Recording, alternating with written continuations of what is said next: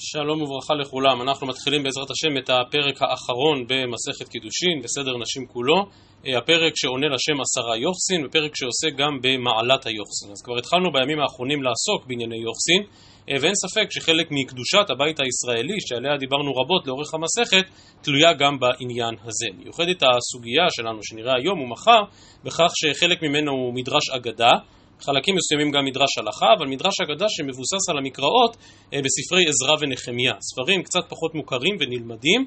דרך הסוגיה שלנו ניתן להיחשף אליהם ולראות עד כמה בשני הספרים הללו, גם בעזרא וגם בנחמיה, הנושא הזה של היוחסין והמשפחות ורשימות השמות וכן הלאה זו הדרך, הדברים הללו אכן בימי שיבת ציון תופסים מקום חשוב ומשמעותי עד למאוד. ובכן אומרת המשנה, דף סט עמוד א', עשרה יוחסין עלו מבבל.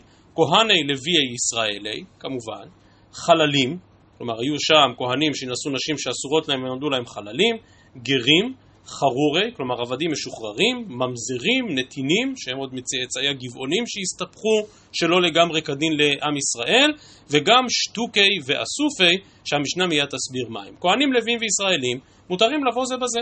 זו החלוקה המקובלת בעם ישראל. לוויים ישראלים, חללים, גרים ועבדים משוחררים, גם הם מותרים לבוא זה בזה, וכמובן שהושמטה כאן מן הרשימה הכהנים, שכן הכהנים אסורים בחללים, הכהנים אסורים בגרים וכן הלאה.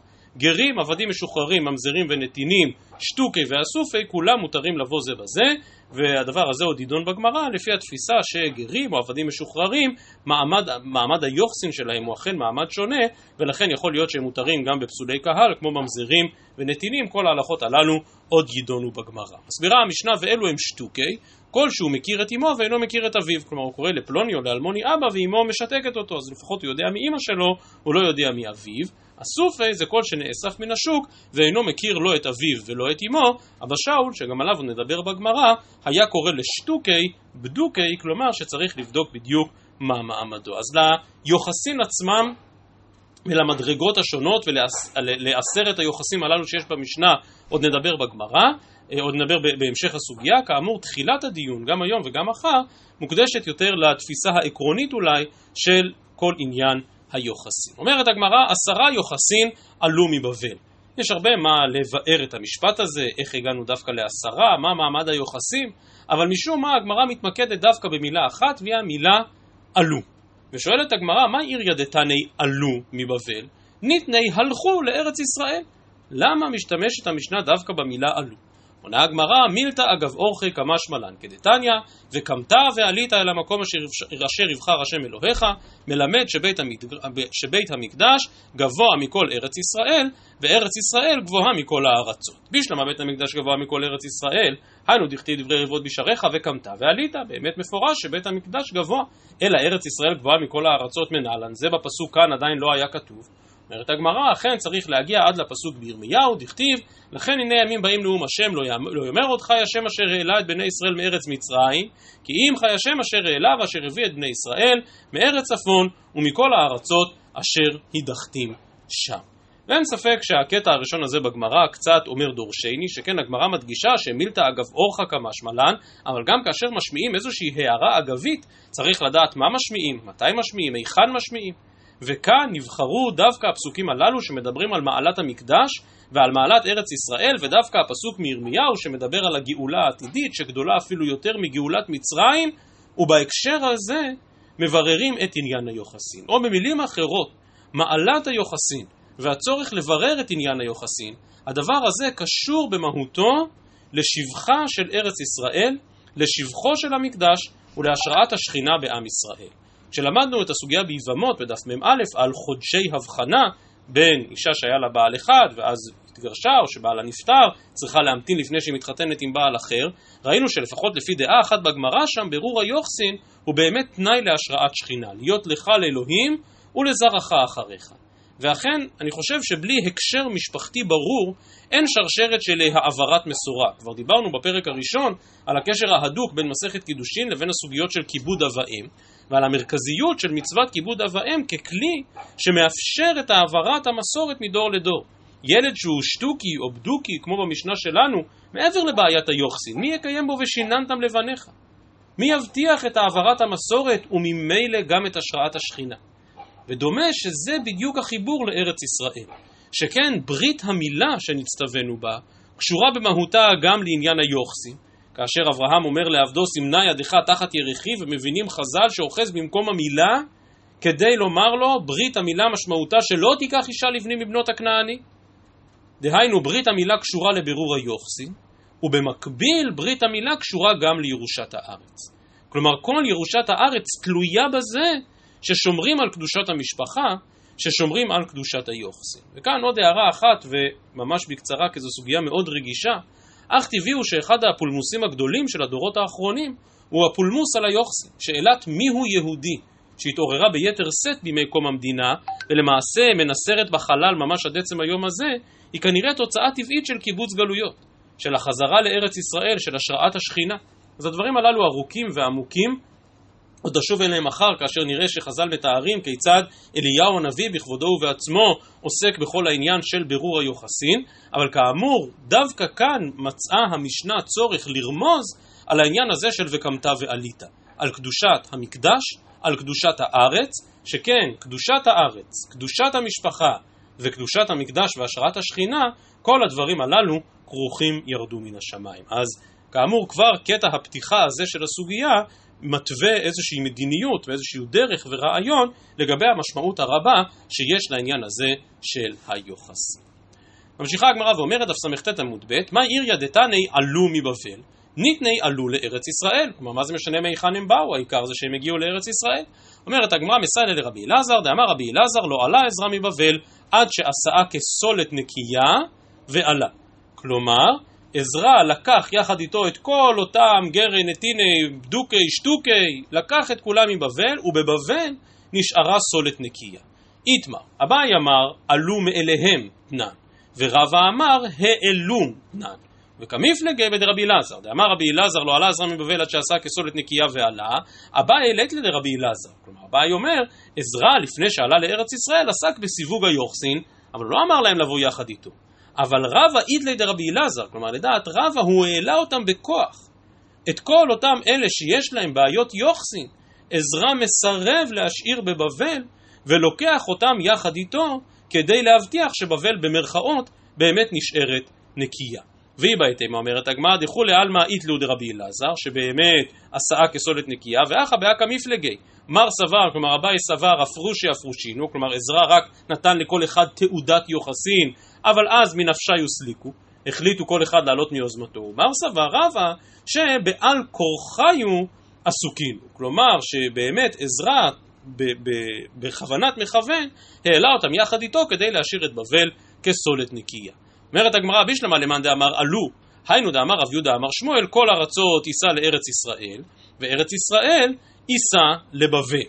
כלומר, אכן בארץ ישראל יש מעלת יוחסין גדולה, וכל ארץ אחרת היא כעיסה, כלומר כתערובת יוחסין ביחס לארץ ישראל, אבל ארץ ישראל היא עיסה לבבל. עכשיו אם באמת נאמר שעלו מיוזמתם, אז באמת גם בארץ ישראל, בארץ ישראל יש בעיה ביחס לבבל. כי בבל באמת נשארה כסולת נקייה, ואילו ארץ ישראל עלו אליה, מאליהם, כל אותם גרי, נתיני וכולי וכולי. אלא למאן דאמר לדעת רבא שהעלום, כלומר שעזרא עשה כאן מהלך מבוקר של לקחת את כל ספקות היוחסין מבבל ולהעלות אותם במרוכז לארץ ישראל, אז מידע ידעינו, כלומר גם בארץ ישראל אתה אמור לדעת מי כן ומי לא, וממילא גם ארץ ישראל היא מקום בדוק. אז למה ארץ ישראל ייסע לבבל? אומרת הגמרא, ני דידעי להוא דרא, לדרא אחריני לא ידעי. כלומר, בדור הראשון כל אחד עלה עם התעודה שנתן לו עזרה, ואז באמת גם ארץ ישראל הייתה מקום בדוק, כי כל אחד ידע מה מעמדו. אבל לדרא אחריני, כל אותם אלה שעלו לארץ ישראל, חזרו והשתלבו ביניהם, חזרו והתערבבו ביניהם, וממילא בדורות שבהמשך לא ידעו מי באיזו מעלת יוחסין. בישלמה למאן דאמר עלו, היינו דכתיב ואקבצם אל הנהר הבא על, כאן כתוב אחווה, בכתובים אהבה, ונחנה שם ימים שלושה ואבינה בעם ובכהנים, ומבני לוי לא מצאתי שם. כלומר שוב, אם עלו מיוזמתם ולא במהלך מבוקר של עזרא, אז אנחנו מבינים איך באותה תחנה על נהר אהבה, עזרא פתאום לא מוצא לוויים. כי לא הייתה כאן עלייה מרוכזת, כל אחד עלה מיוזמתו. אלא למאן דאמר העלום, המזהר זהירי. כלומר שעזרא אמור היה לדעת מראש באותו מהלך מבוקר, מי נמצא איתו, מי לא נמצא איתו, ולא לגלות פתאום במעלה הדרך שאין לו שם לוויים.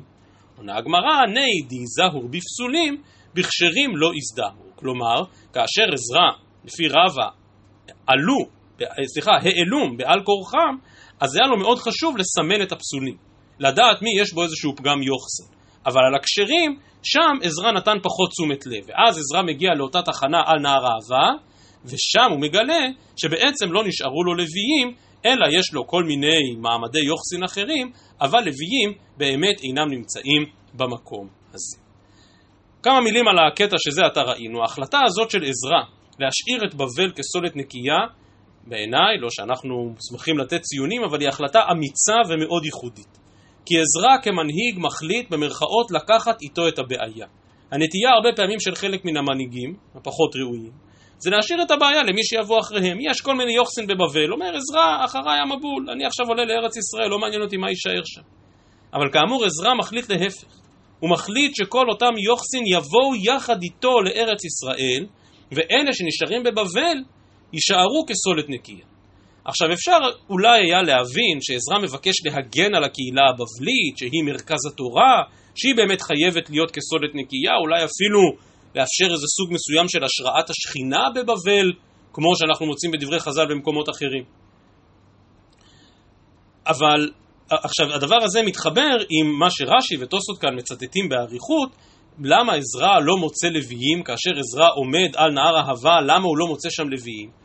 אז רש"י וטוסות כאן מצטטים את המדרש המופלא על הלוויים שפסלו את עצמם בכוח מלשיר את שיר השם על אדמת נכר, שממש פגעו בגופם כי, כי לא רצו להיעתר לבקשה של השובים, שירו לנו משיר ציון. ולכן עזרא לא מוצא שם לוויים שיוכלו לנגן במקדש. אז באמת, בהמשך למדרש הזה שרש"י וטוספות מצטטים, מוסיף רש"י כאן בדף סט עמוד ב' וכותב, ומן הכשרים, כלומר מן הלוויים הכשרים לא מצא, לפי שהיו יושבים בבבל בשלווה, והעולים בירושלים היו בעוני ובטורח המלאכה ובאימת כל סביבותיה. והנח לוויי דקתני מתניתין, מהנח דלא חזו לעבודה היו. כלומר, זה מה שעזרא מגלה על נהר האהבה, שאלה לוויים שלא יכולים לעבוד. אלה לוויים שפגעו בגופם כי לא יכולים היו לשיר משיר ציון. כלומר, לקהילה הבבלית היה כל כך טוב בחוץ לארץ, שהם לא ראו צורך לעלות. בבבל הם יושבים בשלווה, ובארץ ישראל הם באימת כל סביבותיה. ארץ ישראל נקנית בייסורים, על ארץ ישראל צריך להילחם. ואולי במסגרת השלווה הזו שמתוארת כאן ברש"י, אולי גם כאן היה חשוב להם להיות כסולת נקייה. ואם ככה הדבר משתלב בביקורת מאוד נוקבת, מי שזוכר, של ריש לקיש בסוגיה ביומא בדף ט', שלא עלו כחומה בימי עזרא. כלומר שאם היו עולים כחומה, עולים כולם ולא נשארים בשלוותה של בבל. שוב לא היו גולים. ולכן, כמו שאמרתי מקודם, אפשר אולי להבין שעזרא מבקש להגן על הקהילה הבבלית, לשמר את אותו מרכז תורה שיהיה כסולת נקייה של אותם אנשים שמעדיפים לשבת בשלווה בבבל ולא לעלות לארץ ישראל. אבל אני קצת מהסס בפירוש הזה, וכאמור, בעיניי הדגש היותר חשוב הוא על עצם היכולת של עזרא לשמור את הבעיה קרוב אליו. לאפשר לקהילה היהודית בגולה להמשיך להתנהל כסולת נקייה, ודווקא משום שעיקר הכובד של ההנהגה עולה לארץ ישראל, אז הוא לוקח את הבעיה יחד איתו לארץ ישראל. וכפי שמפורש בגמרא שזה עתה קראנו, עזרא כנראה ידע שבדור הנוכחי כל אחד יש לו תעודה, כל אחד יש לו ייחוס ברור, ולכן אפשר להשתלט על זה. אבל דור, שניים, שלושה אחר כך, כבר תיווצר התערובת הזאת, התערובת שמובילה לכך שארץ ישראל ייסע ביחד לבבל. וכאמור, למרות החשש הזה שבאמת יתממש, שבאמת יתגשם, שהיוחסין שבארץ ישראל חזרו והתערבבו.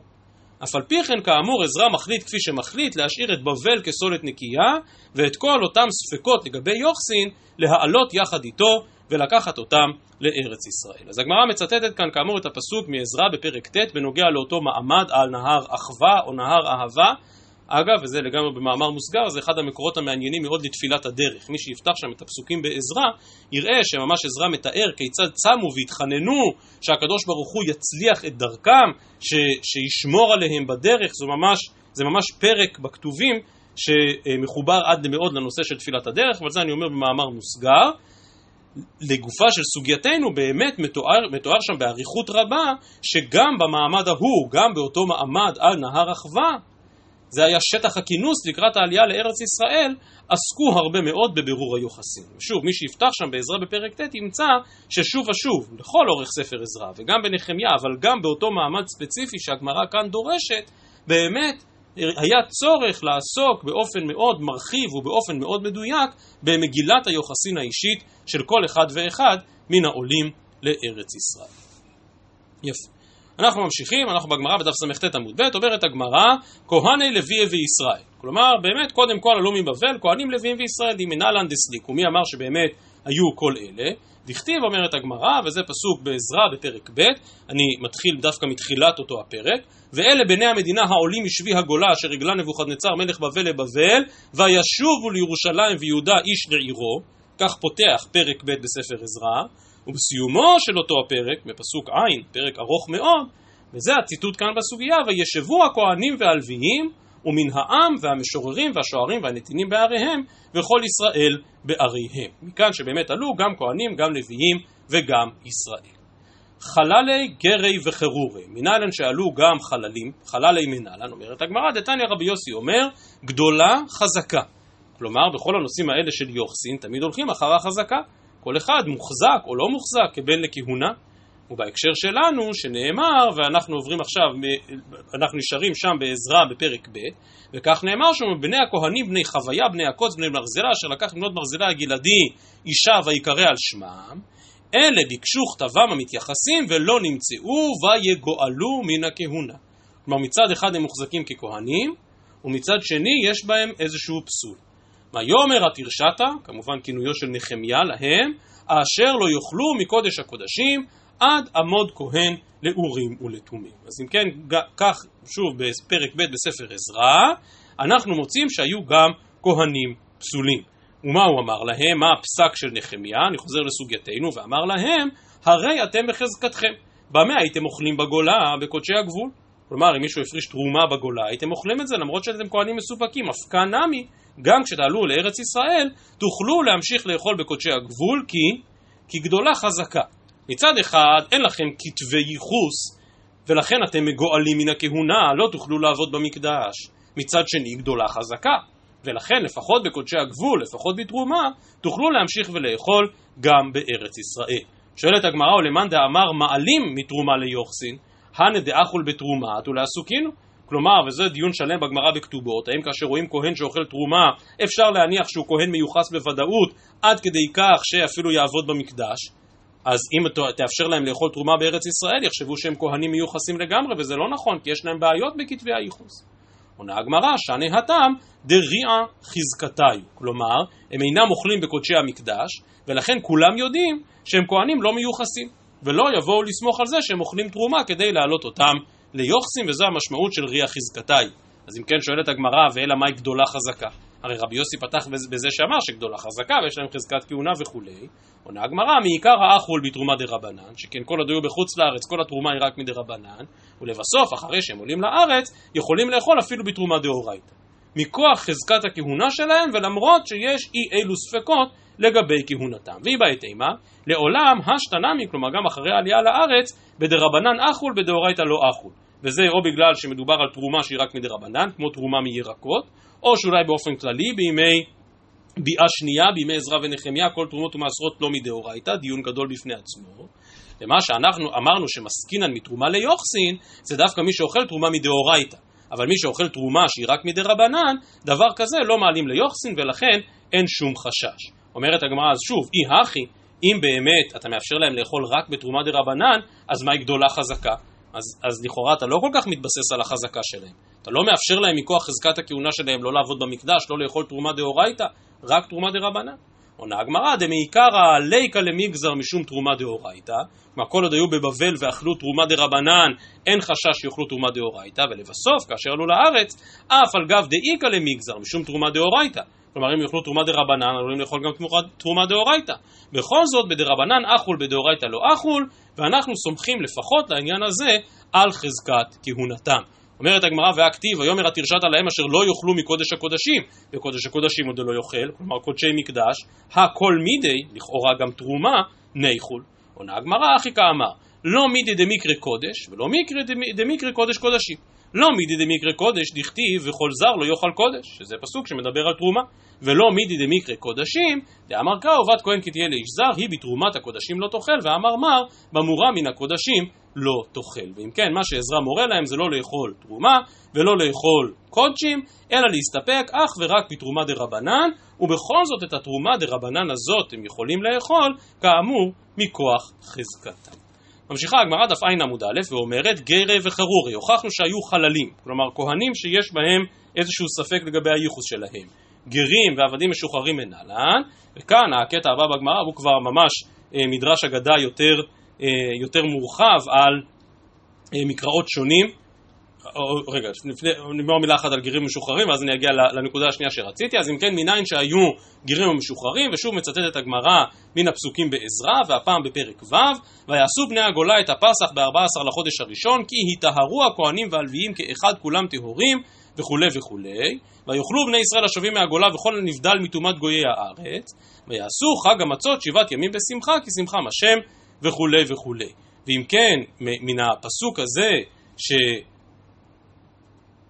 מהפסוק שאומר בפירוש שויאכלו בני ישראל השבים מהגולה וכל הנבדל מטומאת גויי הארץ מהפסוק הזה למדנו שהיו ביניהם כאלה שאכן נבדלו מטומאת הגויים או במילים אחרות שהתגיירו או עבדים משוחררים. תוספות הראש כאן בדף סט עמוד ב' בסוף העמוד מאיר אמר קרא וכל הנבדל מדלא כאמר והנבדל אלא וכל כותב הראש משמע דתרי גבני הבדלה נינהו כגון גיירי וחירורי אינמי שמהלשון גויי הארץ, משמע שאכן מדובר על שני עניינים, אבל סוף כל סוף המהות היא אחת, דהיינו שבכל החבורה הזאת שעולה עם עזרא ובפסוקים שקראנו זה עתה, הפסוקים מעזרא אה, בפרק ו', הפסוקים הללו מתארים שבאמת הייתה איזושהי היבדלות מגויי הארץ, דהיינו כחלק מן העלייה הזאת של עזרא עם כל הציבור שעלה יחד איתו, היו גם תופעות של גיור, היו גם תופעות של השתלבות של אומות העולם כחלק מעם ישראל. ושוב, אני חוזר למה שרמזתי לו מקודם,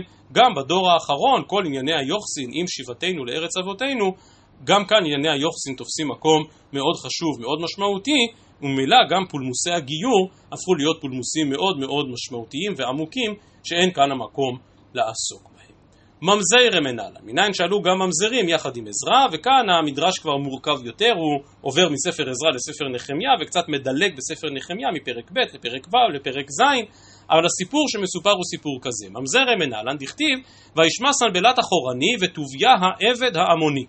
כלומר הנה עבד עמוני שגם הוא כנראה אחד מבעלי הדברים. וכתיב כי רבים ביהודה בעלי שבועה לו, כי חתנו לשכניה בן ערך ויוחנן בנו לקח את בת משולם בן ברכיה. כלומר מצד אחד אנחנו רואים שיש לנו טוביה העבד העמוני, ומצד שני אנחנו רואים יהודים כשרים שהתחתנו עם טוביה העבד העמוני. אז מניין שיש ממזרים, אומרת הגמרא, כסבר עובד כוכבים ועבד הבעל בת ישראל, עד ממזר.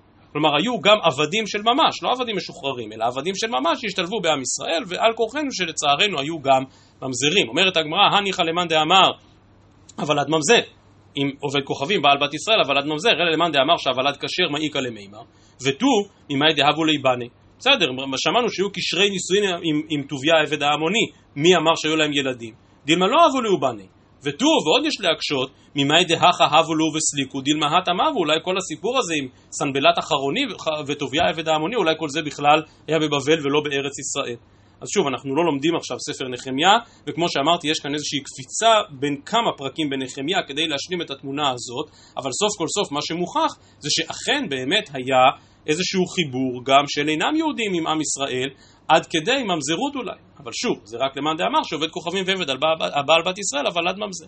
אלא אומרת הגמרא מהכה, יש מקור אחר לזה שהייתה גם ממזרות של ממש, ואנחנו עוברים לנחמיה פרק ז', ואלה העולים מתל מלח, תל חרשה, קירוב אדון ואימר, ולא יכלו להגיד בית אבותם וזרעם, אם מישראל הם. דורשת הגמרא תל מלח, אלו בני אדם שדומים מעשיהם למעשה סדום שנהפכה לתל מלח, ואז זה כבר ממש ממזרים, כלומר איסורי עריות. תל חרישה, זה שקורא אבא ואימא, זה שקורא אבא ואימו משתקתו, שזה השטוקי של המשנה. ולא יכלו להגיד בית אבותם וזרעם אם מישראל הם, זהו הסופי שנאסף מן השוק, שלא יודעים אפילו מי אימא שלו. ולכן הפסוק הזה בנחמיה, ששוב מדבר בפירוש על אותם אלה שלא יכלו להגיד בית אבותם וזרעם אם מישראל הם, הפסוק הזה עצמו מלמד שאכן היו גם ממזרים של ממש. מסיימת הגמרא ואומרת, מה הפשט בסוף אותו פסוק בנחמיה פרק ז', קירוב אדון ואימר, אומרת הגמרא, קירוב אדון ואימר, אמר רבי אבאו, אמר אדון, קדוש ברוך הוא, אני אמרתי, יהיו ישראל, לפ... יהיו ישראל לפניי חשובים ככרוב, והם שמו עצמם כנמר. מסביר רש"י ככרוב, קדושים ככרובי הקודש, כחיות הקודש, תכתיב ביחזקאל פני הכרוב. והם עושים עצמם כנמר, כחיה זו שאינה מקפדת בזוג חברתה. אז כך הבין רש"י שהנמר באמת לא שומר על איזשהו תא משפחתי. המהר"ל בחידושי האגדות כאן באמת מתבסס על דברי חז"ל הווי עז כנמר, העזות בכל מקום קשורה לזנות, ויש כאן בין המפרשים שהציעו שאולי גם חברבורות הנמר מסמלות איזשהו ערפול, איזשהו בלבול שרומז גם לענייני היוחסין. ושוב, הדבר הזה נדרש לא לשבחם של ישראל, שהקדוש ברוך הוא אמר, אני אעשה אותם ככרוב, אבל הם שמו עצמם כנמר. מליקא דאמרי, ובזה נסיים, ותמיד משתדלים לסיים בדבר טוב, אמר רבי אבאו, את אותו דבר אפשר לראות ההפך. אמר אדון, אף על פי ששמו עצמם כנמר, ואף על פי שלא לגמרי באותו הדור שמרו על טהרת היוחסין, הן חשובים לפניי ככרוב. כלומר, הכל בעיני המתבונן, האם באמת יש כאן ביקורת על עם ישראל, או אדרבה, שבחם של ישראל, שהקדוש ברוך הוא, בין שעשו כך ובין שעשו אחרת, הקדוש ברוך הוא רואה בהם ככרוב, דהיינו רואה בהם ככרובים שהם מבטאים את השראת השכינה, ואם פתחנו מקודם במעלת היוחסין שהיא תנאי להשראת שכינה, הרי שבזה אנחנו גם מסיימים שסוף כל סוף הקדוש ברוך הוא רואה את עם ישראל ככרוב, רואה את עם ישראל כמקור שבו אכן יכולה להיות השראת שכינה. יום נעים ולהתראות.